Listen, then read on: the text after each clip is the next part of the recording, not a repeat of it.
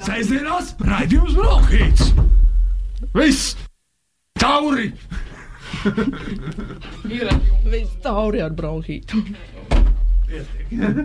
Tāpat no manis nekas jēdzīgs nesanāca šodien.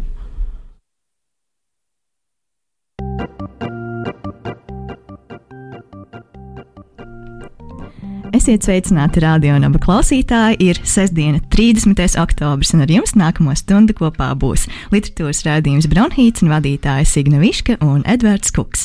Un Helvīna svinību priekškara noskaņās studijā viesojas dzēnieks un tulkotājs un arī dzēn Bronhīta bijušais vadītājs Kaspars Zalāns. Čau, Kaspar!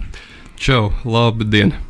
Jā, un tu esi šeit, jo tu apgādā Prometējas paspārnē, esi iztulkojis uh, Hovarda Filipa Lavkrafta stāstu īrlasi, kas vēl nav iznākusi taustāmā formātā, bet mēs ļoti, ļoti, ļoti gaidām.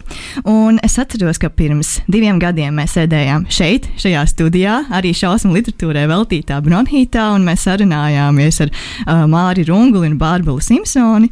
Un tas šķiet kā pirms vesel, veselas mūžības, un vai tu jau toreiz zināji, nojauta vai tiecies uz to, ka tu tulkosi Lovecraftu un kā tu vispār līdz tam nonāci?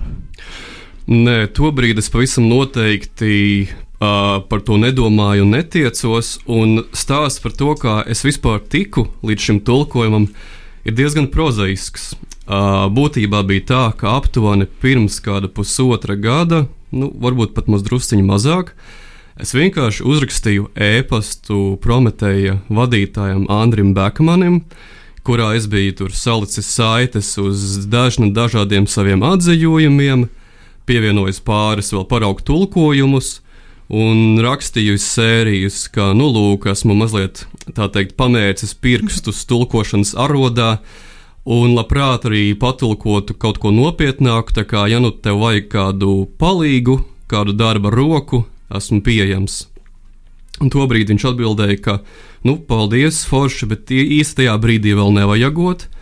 Bet pagāja burtiski kaut pusotrs mēnesis, ne vairāk, un viņš uzrakstīja e-pastu, ka, hei, vai tu esi dzirdējis par tādu Hovardu Philipsu Lovecraftu? Un es tā kā, nu, protams, ka esmu dzirdējis un lasījis, un, nu, lūk, un tajā brīdī es biju un joprojām esmu ārkārtīgi samulsis un pārsteigts un pagodināts, ka viņš man tādam pilnīgi zaļam gurķim, kā pirmo tādu nu, liela apjoma grāmatas garuma tulkojumu, iedeva tieši šo nu, šausmu literatūras klasiķi, grandu, celmlauzēju, pionieru un visādi citādi. Vai tev bija bail? Man joprojām ir mazliet bail, godīgi sakot. Uh, nu, kā teica mans uh, krājuma, šī krājuma redaktors Vilis Kasims, kā pēc šī tulkojuma man visdrīzāk nekas cits neliksies sarežģīts. Jo nu, brīžiem bija tāda sajūta, ka es gandrīz vai mācos peldēt, ielēcis baseina pašā dziļākajā galā. Jo nu, tur bija daži dažādi tieši nu, to, no tulkošanas skatu punktu izaicinājumi, bet par tiem varbūt var vēlāk pastāstīt. Jā. Bet um, tu saki, ka tas ir, un es ticu, ka tas ir liels pagodinājums strādāt tieši ar Lovecraftu. Kas ir tas, kas viņu padara tik, varbūt neteiksim, ietekmīgu, bet iedvesmojošu? Kas ir tas, kas viņu padara tik dzīvu mūsu nu, popkultūrā, fantāzijas kultūrā vēl tagad? Mm -hmm. Man liekas, nu es, to, es definēju to kā divas lietas, ko es arī minu grāmatas ievadā. Uh, viena ir tā, ka viņa tās aprakstītās, uzburtās, radītās šausmas uh, Uh, tiešām, manuprāt, ir atrasināts no kaut kādas cilvēka zemapziņas. Tie nav vienkārši kaut kādi pliki mošķi, kas izlaiž no ēnām vai vārtrūmēm, bet uh, tas tiešām ir balstīts cilvēka kaut kādās baigās, no nezināmā, no svešā, no citādā, no tā, cik mēs varbūt esam patiesībā mazmazītiņi uz uh, visa grandiozā, visuma fona. Uh, Un šīs, manuprāt, ir tik universālas un tik pamatīgas sajūtas, ka tās var tik daudz dažādos veidos pēc tam atvasināt, uh, reinterpretēt, uh, pārveidot, papildināt. Um, nu, tad, tas, tas ir viens, un otrs, manuprāt, ir tas, ka vienkārši uh, viņa radītā mitoloģija, stāstos radītā mitoloģija. Uh, par ko es negribu pārāk daudz stāstīt, lai vienkārši nespoilot lasītājiem prieku, bet uh, šī mitoloģija arī ir tik roda, tik plaša, tik daudzveidīga, ka arī dzēn, nu, nevelti pēc uh, Lovecraft nāves uh, ir bijis vesels sakotāju pulks, kas faktiski šajā Lovecraft visumā ir rakstījuši savus stāstus un romānus un tādējādi paplašinājuši šo visu pasauli un, un visumu un radījumu un neradījumu un dievu plējādi. Uh, nu jā, attiecīgi, tas ir tā, tāds tik plašs spēles laukums, kas man liekas pat līdz pat šai dienai, pēc vairāk nekā 80, 90 gadiem, nav netūlīt ticis izsmelts. Bet, uh, gatavojoties raidījumam, es mazliet par to palasīju, un man nerodas iespējas, ka tas ir tāds stingri nodefinēts visums, ka tā ir tāda alternatīva pasaule ar nebeidzamām iespējām, no kurām dažas Lovecrafts izmanto.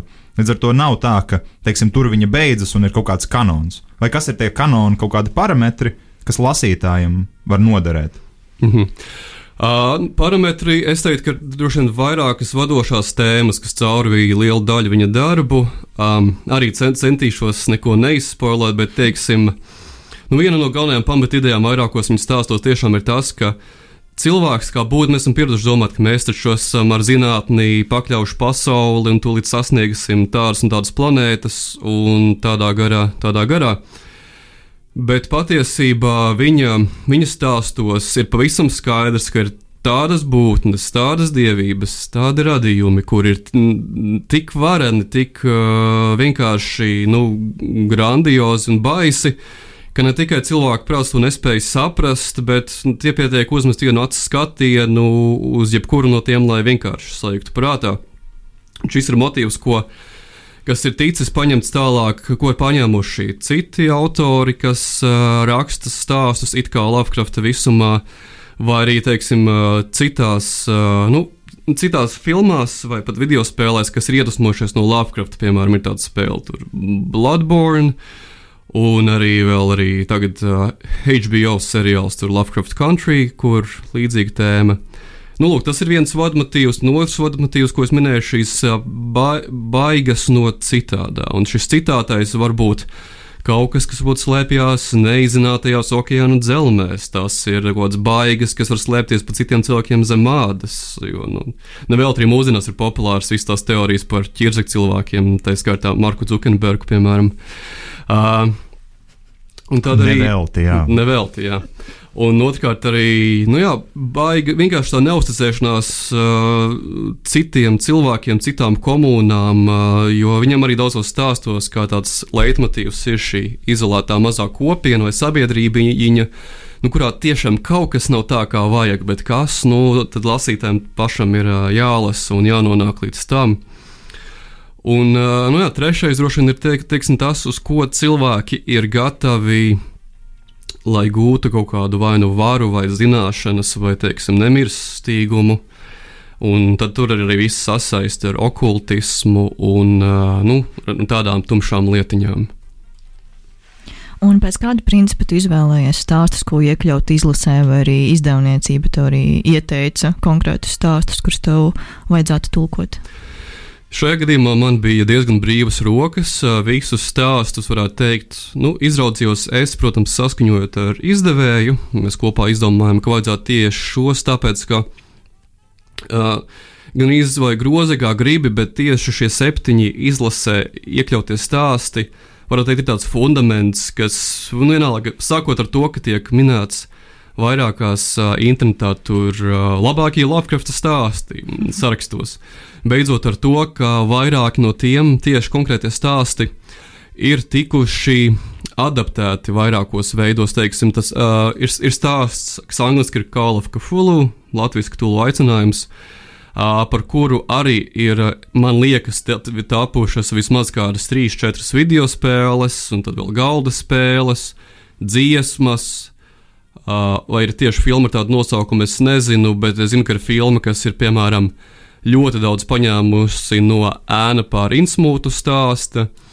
Nu, varētu teikt, tas ir tāds uh, gan ietekmīguma ziņā fundaments, gan arī tādā ziņā, ka uh, lasītājiem, kurš izlasīs visu grāmatu, manuprāt, taps diezgan skaidrs, cik ļoti tie ir savstarpēji saistīti uh, mitoloģijas un tematiskuma ziņā.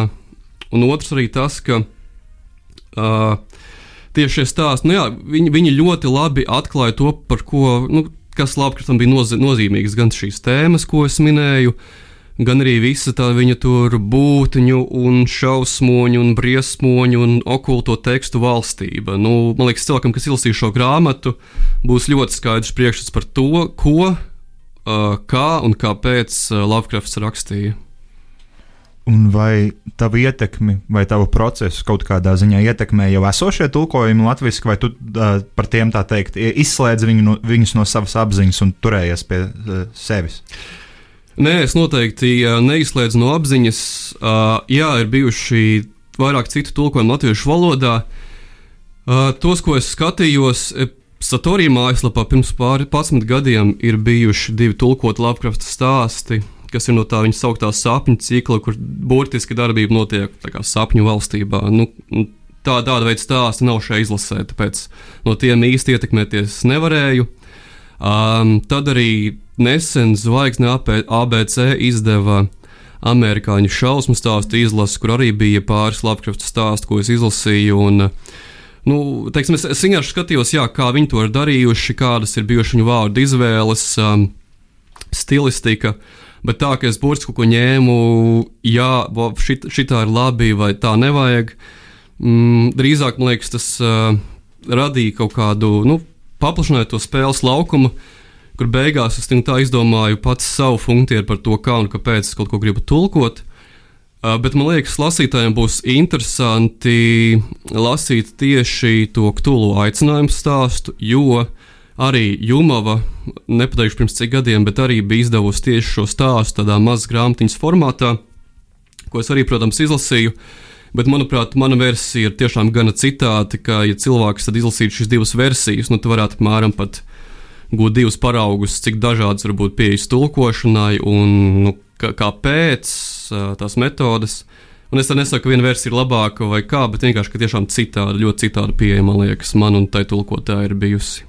Lūk, lūk, un te mēs nonākam līdz uh, tulkošanas procesam, un tu iepriekš teici, ka jā, vēlāk parunāsim par izaicinājumiem, kas uh, bija tulkošanas gaitā.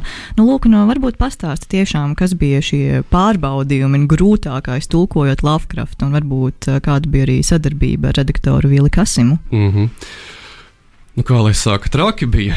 Traki un labi, bet uh, nu, jā, arī ievadā es minu dažus izaicinājumus. Es uh, varbūt pieminēšu kādus nu, trīs galvenos, kas, kas man, manā dvēselē atstājuši dziļākās rētas. Uh, viens ir tas, ka teiksim, tieši īpaši vārdi, vai ne?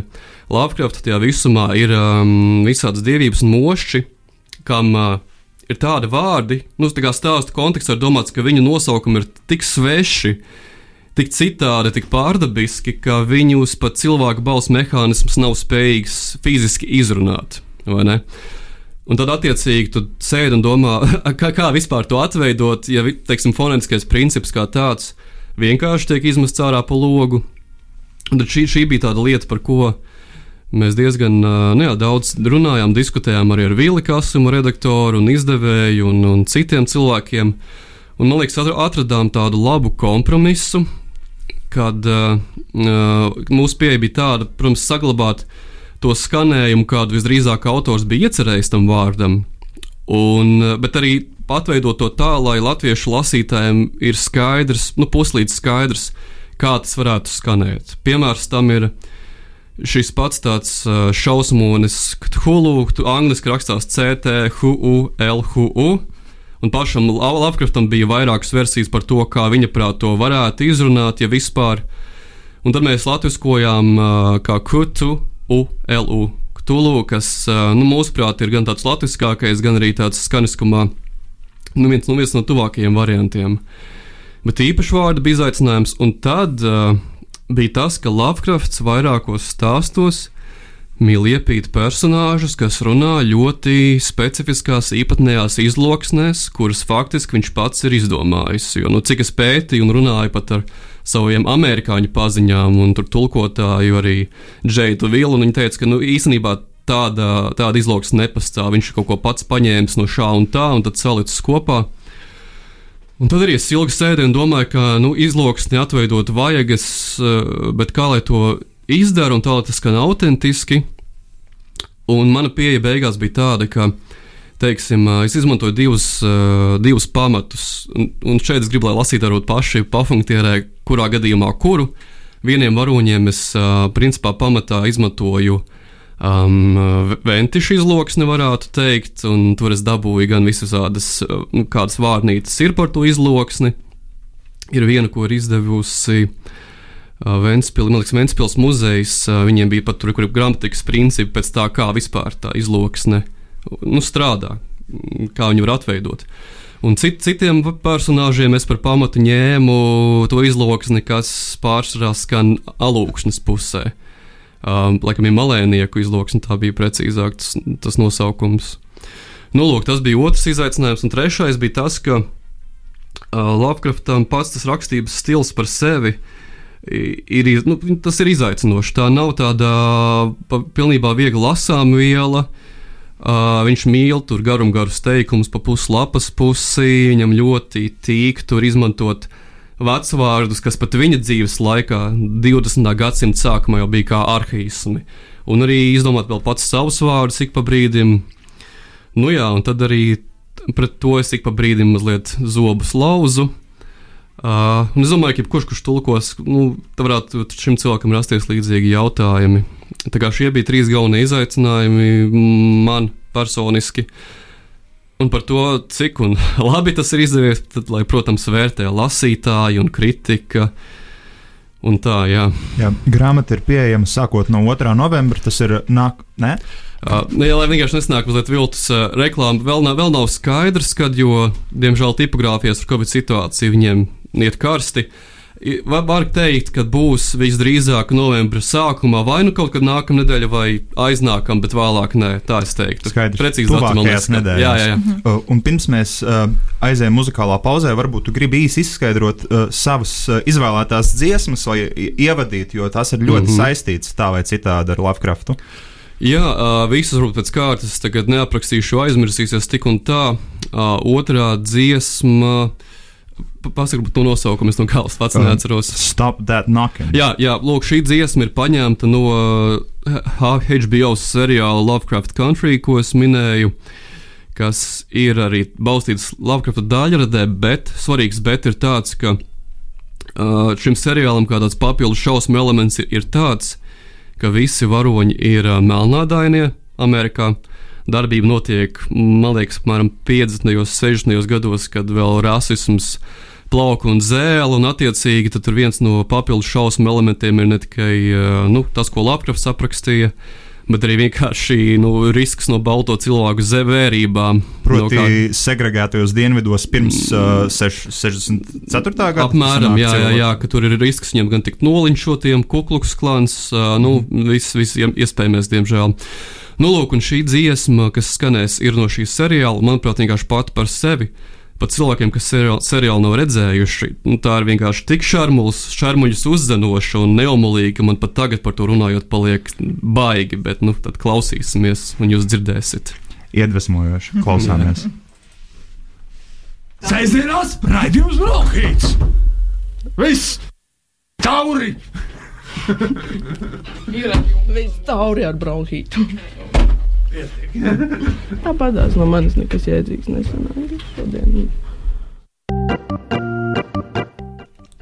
Un esam atpakaļ radionāba studijā, literatūras raidījumā Bronhīts un turpinām sarunu ar Kasparu Zalānu, jo Kaspars ir nu pat iztulkojis Hovarda Filipa Lavkrafta stāstu izlasi. Un uh, šajās pirms pirms svētku, pirms Halloween noskaņās, es tev gribēju pajautāt tādu it kā vienkāršu, bet, manuprāt, piņķerīgu jautājumu, kas tev šausmina? Kas, ka, mm. kas tev šausmina foršā ziņā? Jā, man bija arī foršā jautājums, ziņā. no kā tev ir bail. Jā, jā, jā, tieši jā. nevis no kā tev ir bail tā pa īstam, jā. bet nu, kas tev patīkami šausmina? Patīkami šausmina. Tas tā kā gandrīz kā terapeita kabinetā jautājums. um, tā es, es padomāšu vienu, divas sekundes. Tā mani patīkami šausmas. Nu, laikam patiesībā patīkamākās šausmas, kas man nāk prātā, ir piemēram. Tas ir laikam saistīts ar tādām tā kā, patīkamām, trauksmainām gaidām, vai ne? Piemēram, pirms es biju kopā ar esošo draugu, man bija tādas patīkamas šausmas, nu, uz tiem pirmajiem randiņiem ejot. Taču gribās radīt labu iespēju, negribās to nolaist. Šo klausās. Viņi to klausās. Tā kā, tā kā es, es, es nenolažoju, mēs dzīvojam kopā. Viss ir, viss ir labi, bet jā, nu, tās bija tādas patīkamas šausmas. Un arī, nu, piemēram, teiksim, arī šobrīd, nākamā otrdiena, mēs aizbraucam, nu, man draudzene studēs doktorantūru Vācijā, aizbraukšu līdzi uz vairākām nedēļām. Un tās arī tādas patīkamas. Jā, un tas tāds patīkams šausmas arī no tāda mazliet nezināmā. Nu, labi, esmu Vācijā bijis, bet nu, tomēr dzīvo tādu ilgāku periodu citā valstī. Un vēl šajā Covid situācijā, nu, es to gaidu, bet ir mazliet tā kā, nu, cerams, ka viss būs ok, būs forši dzīvokļi biedri, ka viņiem būs garšīgi berlineri.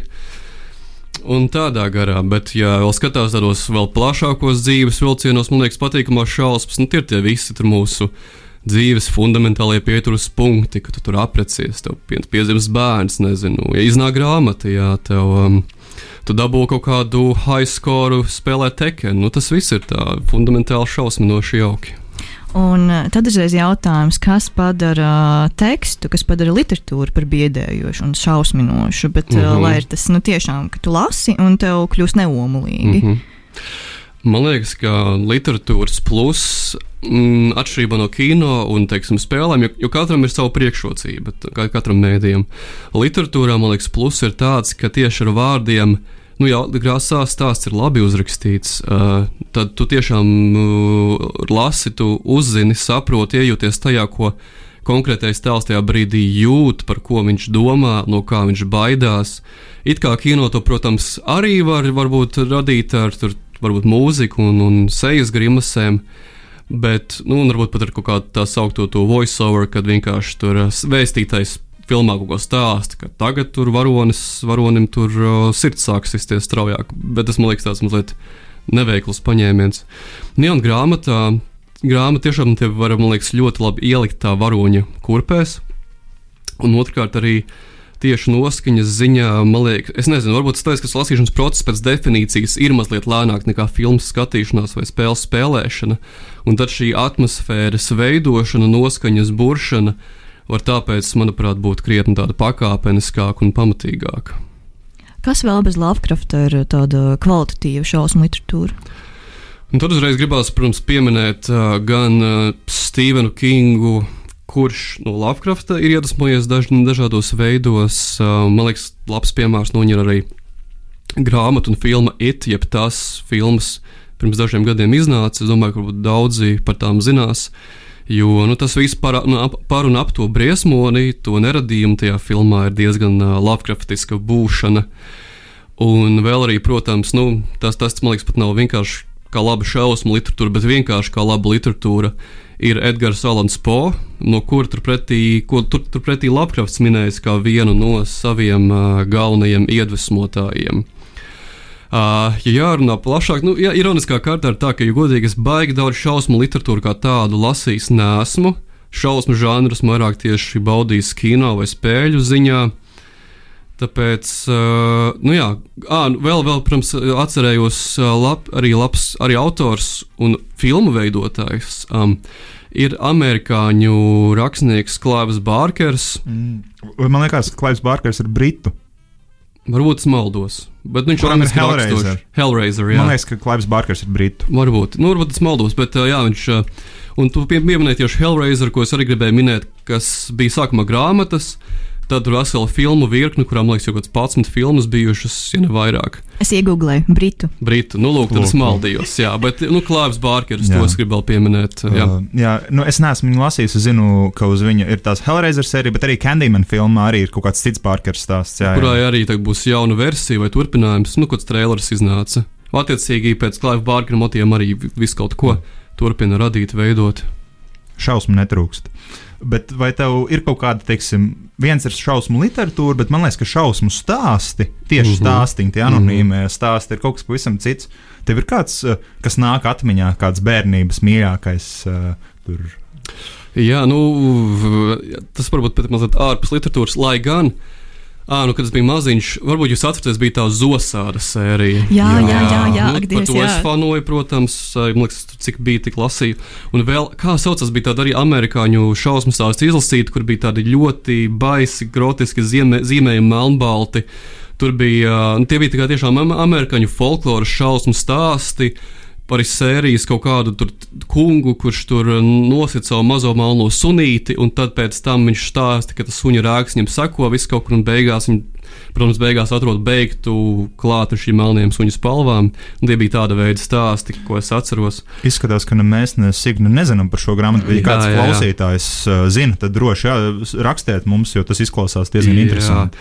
Un, uh, un, protams, es domāju, ka arī jums ir bijusi tāda pati pieredze, ka, teiksim, pat, pat Jāņos, kas varbūt nav tematiski atbilstoši, bet ap ugunskura sēžot, tur dalīties kaut kādām visāda, visādām šausmīgībām un visādiem šausmu stāstiem par uh, to, ka tur pastāv tādi ādmaiņi, ka sērijas cilvēks aiziet uz mežu kaut ko tur uh, nu, pēc ogām vai kā, un viņa ādā atgriežas kaut kāda cita sveša būtne. Un tas ir kaut kas, ko, kad es biju jauns vai tur gāju pārgājienos, nu, ļoti bieži dalījāmies savā starpā, lai liktu cits citam justies vienkārši neomolīgi. Man liekas, no tādiem bērnības stāstiem viens ir tas uh, atdot zelta kāju stāsts, kas ir ļoti labs. Un otrs, kas man liekas, klasika, tā laikam jau ir no padomu laikiem par uh, zilo nadziņu, par meiteni ar zilo nadziņu. Uh, bet uh, es nezinu, jūs esat šo stāstu dzirdējuši? Nē. nē. Var īsumā ieskicēt. Uh, jā, īsi sakot, uh, pilsētā ir meitene, vienīgā meitene ar, ar, ar ziliem nolakotiem nadziņiem, kas ir kap, nu, tā ekstravaganti un me, maz meitenīti, kur, ku- kas ir ļoti grēzni un, un viņa ir pārtikusi un tā. Un tad viņa, viņa visu laiku sūta uz veikalu pēc, nu, teiksim, pēc tā un šitā. Pēc gaļas, un tā, un, un īsi sakot, meitenīte pazūd, un, kā, un kāds redz uh, mal, maltajā gaļā vitrīnā zilu nadziņu. Šis bija tieši tā grāmata, ko es lasīju. Tieši tāds. lūk, tā kā lūk. tas tev- tev ir folklorisks, varbūt tāpēc viņš plaši Jā, jā, zināms. jā, viņš ir tāds folklorizējies. Jā. Jā, nu, lūk, un tad es tikko arī sagūlēju grāmatu, kas man bērnībā mm. iedvesa tādas milzīgas šausmas, bet tā nav daļa literatūra. Tā ir kā ir, uh, nosaukums ir tūkstots jautājumu par raganām, burviem un daudz punktu. Man bija līdzīga sērija, tur bija arī tūkstots jautājumu par kaut kādu tur nezināmām vietām, vai tūkstots jautājumu. Nu, tā kā Jā. tur bija vesela sērija tādu Jā, grāmatu. jā, nu, lūk, izdevniecība aplis, un uh, mana vecuma mēdza pasūtīt kaut kādas grāmatas, jo viņai nāca tādi bukleti pa pastu, un, uh, nu, lūk, un šī grāmata pienāca vienā pasūtījumā, un es nezinu, man bija diezgan uh, maz gadu, gan jau nevajadzētu lasīt tādas grāmatas tādā vecumā, bet uh, man bija milzīga interese, un tur bija tiešām par raganu rituāliem, kā kļūt par raganu, kā kļūt par vilkaci, un ka tu aizej uz mežu, un tev jāsameklē vecākais koks, kuram tur sakne izlīdusi no zemes, un ka tev jālien cauri šai saknē. Un tur, jā, un tas man arī lika sajusties neomulīgi un briesmīgi, bet mm, tā nebija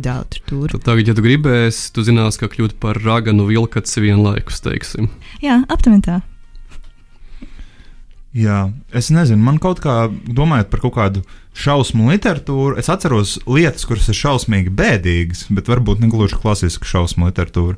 Tāds pirmais stāsts, kas man bērnībā satriec tādā ziņā, eh, padomju laikos bija tāda sērija ārzemju rakstnieku stāstu jaunatnē, mm -hmm. kur ir tulkot atļauts kaut kāda atļautā literatūra.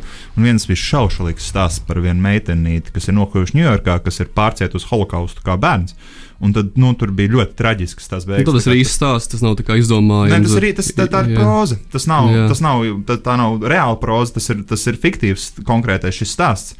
Bet, uh, kad es viņu kaut kādā astoņu vai septiņu gadu vecumā izlasīju, tas stāsts mani šausmināja. Tas bija briesmīgi. Nu, jā, ja tā skatās, godīgi sakot, man liekas, ka nu, uz šādu stāstu fona, nu, beigu, beigās gan pati baisākā grāmata, kas ir, teiksim, Annas Frankas dienas grāmatas, jo, nu, jā, jo tas, tas viss, kas ir dzīvē, bija, nu, no manas skatu punkta nekas. Ko cilvēku izdevums spēja radīt, nu nevar stāvēt klāt tam šausmām, kas vienkārši ir bijušas un, diemžēl, notiek.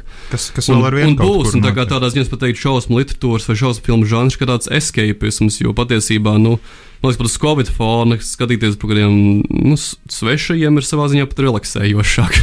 Nu, jā, lūk, tāpēc es domāju, sākt to, to, to jautājumu vai šo tematu tieši ar to, kas ir patīkamās tam mm. šausmas. Jo tieši tā, šausmas, manuprāt, ir ļoti atbrīvojošas. Tāpēc jau Helovīns ir tāds uh, rotaļīgs. Nu, jā, liekas, tas ir tas pats amerikāņu kalniņu princips, kad dabū šo adrenalīnu dozu. Tu, nu, jā, tu kā esi izbijies, bet tu, tu, esi, tu to dari principā tehniski drošos apstākļos, ka tavai dzīvībai Nu, ja tur kaut kas nesabrūk, protams, nu nekas nedraud. Tu kā tu šās pašausminies, bet tev nekas nekait. Ja tev Fredijs beigās neapmeklē sapnī, tad, nu, tad jā, pamosties. tāpat arī ar šausmīgu literatūru. Tad kā pašausminies tās noteiktās varbūt dažas stundas vai kā, bet pēc tam tu atgriezies savā ikdienas dzīvē un tev nav nekas slikts noticis. Tu, nu, tas ir kā bijis tāds maziņš piedzīvojums, varētu teikt.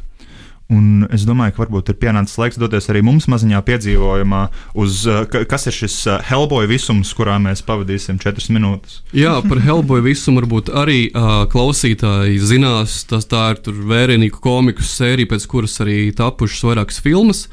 Un es šo dziesmu izraudzījos tāpēc, ka tas tā visu mitoloģija atkal ir ļoti daudz kas atrasināts no Lovecraft. Šīs, šīs uh, pārdabiskās, aizmūžīgās, visvarenās būtnes, dievības, ko pielūdz dažādas uh, sektas un kulti, un tad arī ar vis- visu ar to saistītais šausmīgais. Tāpēc arī paņem dziesmiņu no uh, pēdējās Hellboy filmas, kas pirms kādiem laikam, četriem gadiem iznāca aptuveni. Aiziet, klausāmies. Sēžamās raidījums Brokhīts. Viss! Tauri! Ir viss tauri ar bronhītu. Tāpatās no manis nekas jēdzīgs nesanāca šodien.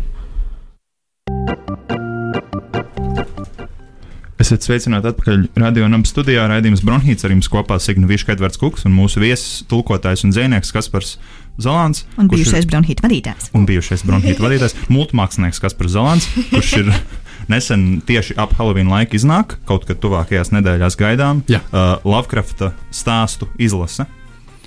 Un tuvojoties raidījuma izskaņai, es gribēju tev vēl pajautāt par uh, tevis paša.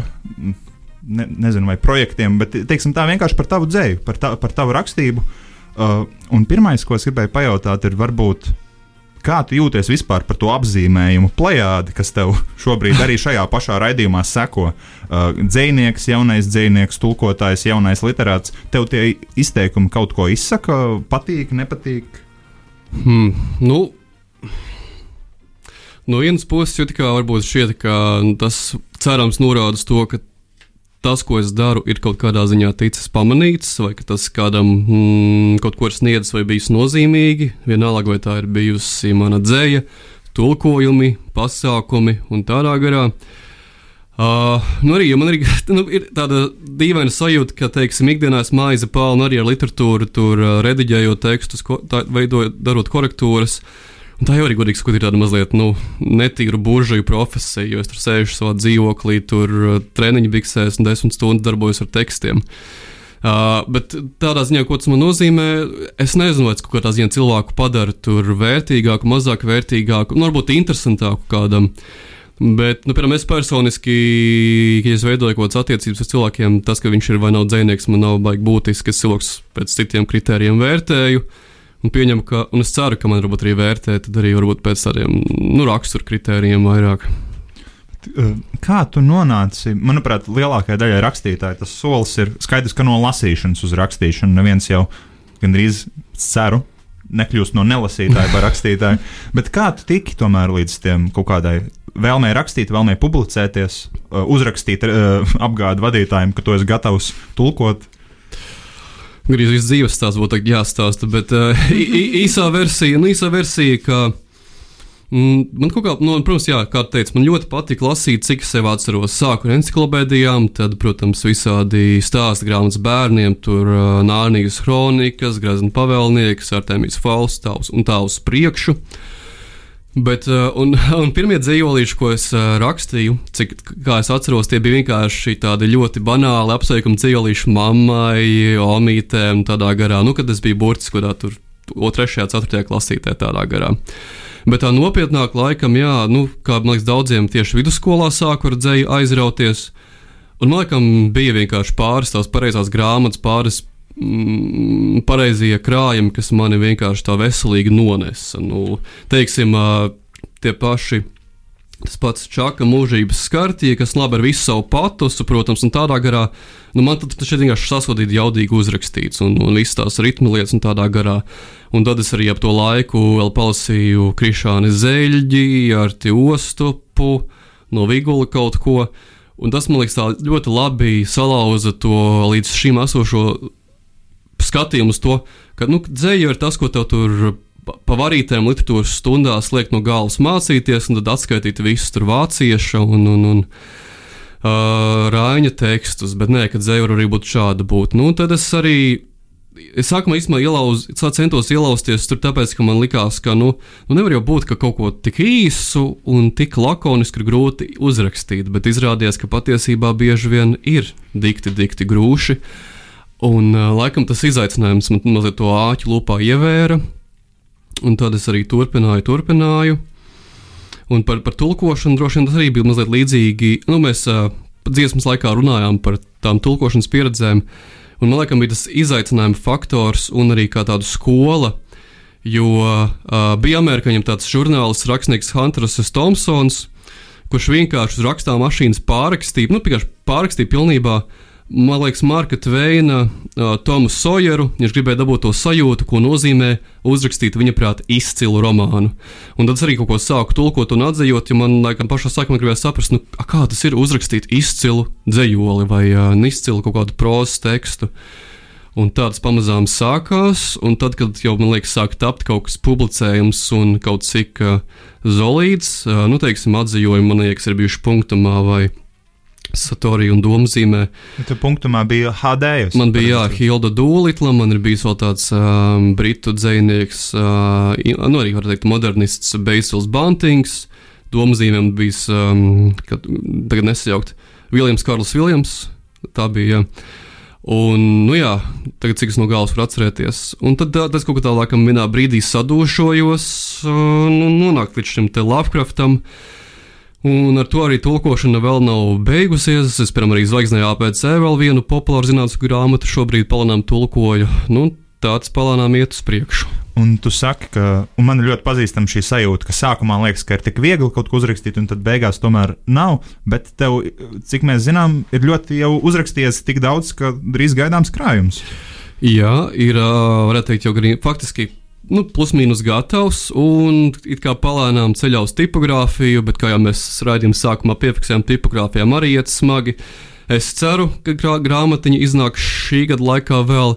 Ja nē, nu tad droši vien kaut kad nākamā gada pašā sākumā, bet nu, tālu jau nav palicis, jo grāmatiņa ir uh, tapusi, izrediģēta, samaketēta, mākslinieca arī ir sadarījusi savas lietiņas. Nu, tā kā tagad ir tas fināla sprints, varētu teikt. Pāris teikumos, uh, ko mēs varam gaidīt, teiksim, kas ir redaktors, kurā izdevniecībā mēs varam viņu meklēt. Jā, uh, redaktors ir Aivars Eipurs, jeb Edvards Aivars, kā un kuru reizi. Izdevnieci apgāds uh, Mansards un gaidīt, es domāju, ka un tiem, kas kaut ko no manis mm, ir lasījuši, droši vien tur sa- saskatīs jau raksturīgas iezīmes.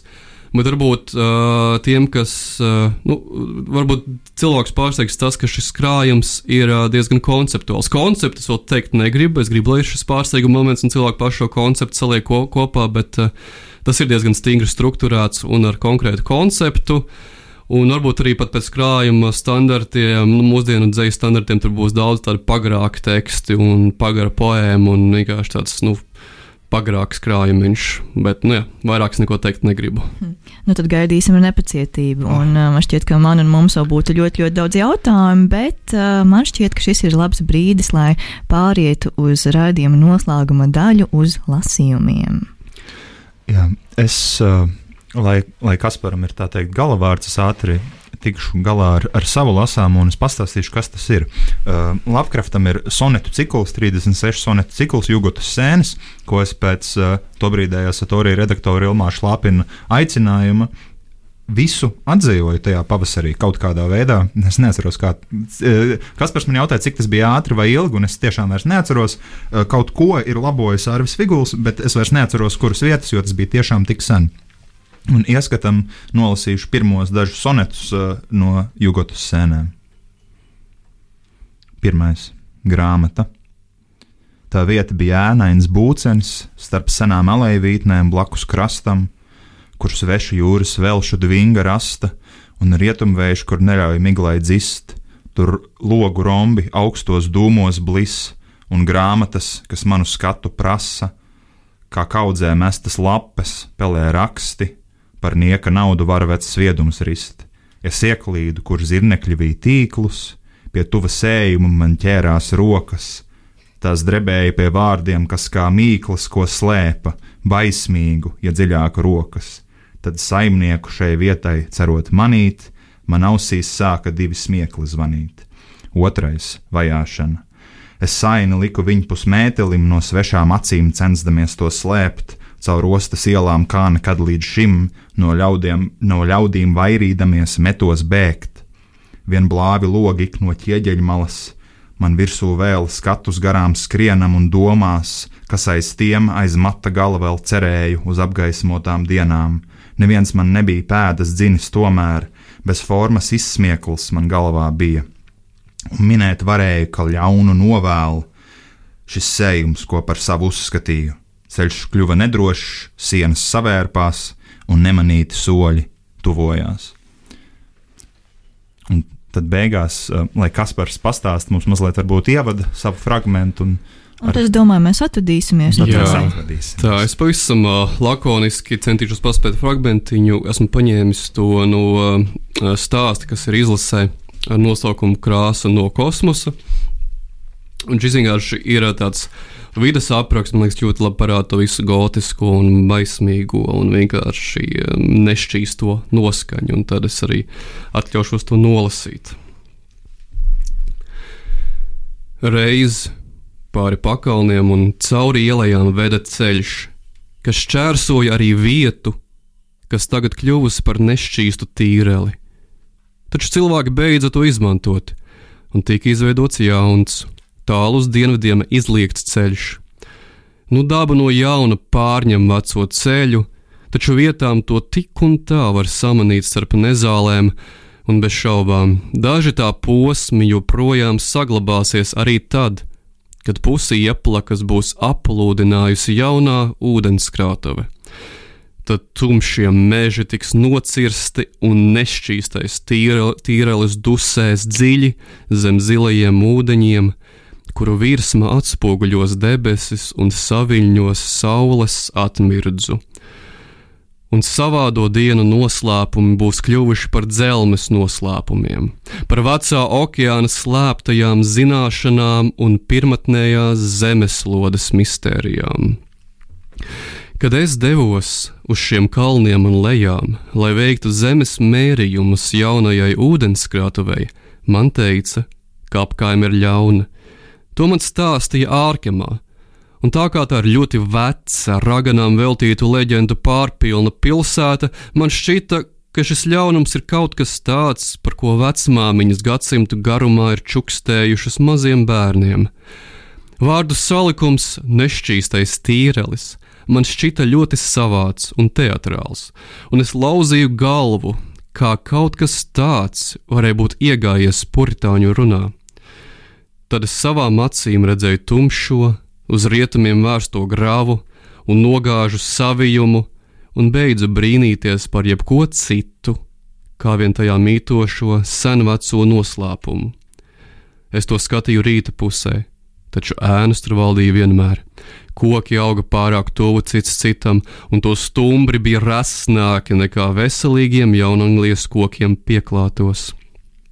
Krāslotajās alejās starp tiem bija pārāk kluss, un zemi pārlieku mīkstu darīja miklās sūnas un gadu gaitā trūdus sakopotais lapu un zaru slānis. Pakaunu nogāžu klājumos, lielākoties vecā ceļa malās, atradās nelielas saimniecības. Dažām vēl bija saglabājušās visas ēkas, dažām tikai viena vai divas, un vēl no citām bija palicis ne vairāk kā vientuļš skurstenis vai pagrabs, kas ātri vien piepildījās ar lietus ūdeni. Apkaimē valdīja brikšņi un zāles, un pamežā čabinājās zaglīgi zvēri. To visu klāja ne nemiera un apspiestības šķidrauts, kāds pārdabisks un groteska spēka pieskāriens, it kā tur būtu sagrosīta kāda būtiska perspektīvas vai gaismēnas sastāvdaļa. Nebrīnījos, kā ārzemnieki atteicās šeit palikt, jo apvidus nebija nakšņošanai tīkams. To pārliek, tas pārlieku atgādināja gleznotājas Salvatore Rosas ainavas vai kādu aizliegtu kogriezumu šausmu stāsta ilustrācijai. taču arī tas viss kopā nebija tik atbaidošs kā nešķīstais tīrelis. Es to atpazinu tajā pašā mirklī, kad atradu tīreli plašas ielas dibenā. Tas nebija apzīmējams ne ar kādu citu vārdu, un neviena cita vieta nespētu atbilst šādam nosaukumam, it kā frāzi būtu radījis dzinieks šī viena konkrētā apgabala iedvesmots. Skatoties, domāju, ka tas tāds palicis pēc ugunsgrēka, bet kāpēc gan nekas jauns nebija audzis šajos divos pelēkās postažas hektāros, kas pletās klāji atvērta debesīm, kā milzīgs skābes sāsts laukums starp mežiem un laukiem. Tas lielākoties atradās uz ziemeļiem no vecā ceļa, taču mazliet skāra arī otru pusi. Jūtu savādu nevēlēšanos tam tuvoties, un beigu beigās to darīju tikai tāpēc, ka darba darīšanas mani veda cauri tīrelim. Visā tā plašumā neauga it nekas. Dumbru klāja vien smalki, pelēki putekļi vai pelni, un nešķita, ka vējš jau kad būtu tos kustinājis. Tīreļu tomā koki bija slimīgi un panīkuši, un tam apkārt stāvēja vai trūdoši dusēja daudzi miruši stumbri. Steidzīgi iedams garām, labajā pusē redzēju vecas kursteņu un pagraba drūpošos akmeņus un ķieģeļus, kā arī pamestas akas rēgāja no melno rīkli, no kuras nāca dīki garaiņi, kas lika saules gaismai spīdēt dažādās savādās nokrāsās. Pat garā, tumšā, mežotā nogāze salīdzinājumā šķita patīkama, un es vairs nebrīnījos par ārkemas iedzīvotāju baļpilnajiem čukstiem. Tomā neatradās ne mājas, ne drupas, pat agrāk šī vieta droši vien bijusi vientuļa un pamesta. Un pakrēšļa laikā, baidīdamies no jauna iet garām draudīgajam laukumam, atpakaļ uz pilsētu gāju aplinkus pa izliekto dienvidu ceļu. Neskaidri vēlējos, kaut savilktos mākoņi, jo dvēseli bija skārus kāda savāda, dziļā debesu bezdibeņa ierosināta nedrošība. Lūk, tas bija Hovards Filips Lavkrafts, tulkotāja Kaspara Zalāna lasījumā. Drīzumā meklējiet grāmatnīcās. Jā, bet uh, mēs uh, drīzumā dodamies savās nedēļas nogalas gaitās, dodamies svinēt uh, Helovīnu. Nu, katrs drīzāk pie savām svecēm un ķirbjiem. Un uh, atvedamies no jums, dārgie klausītāji. Uh, paldies tev, Kaspar! Paldies jums par uzaicinājumu un sarunu! Jā, bija prieks tevi atkal satikt studijā, šoreiz mikrofona otrajā pusē. Un vēlos atgādināt, ka rādījums Bronhīts skan katru otro sestdienu, pulksten trijos pēcpusdienā, noteikti piesakojot arī radio un abu sociālajos mēdījos, Facebook, Twitter un Instagram, kā arī Bronhītam šajos pašos mēdījos. Un atgādināšu, ka rādījums Bronhīts tev par valsts kultūra kapitāla fonda atbalstu. Jū! Jū. Labi! Uz redzēšanos, visiem uz sadzirdēšanos un baisu Helovīnu. Baisu, bet jauku. Tā.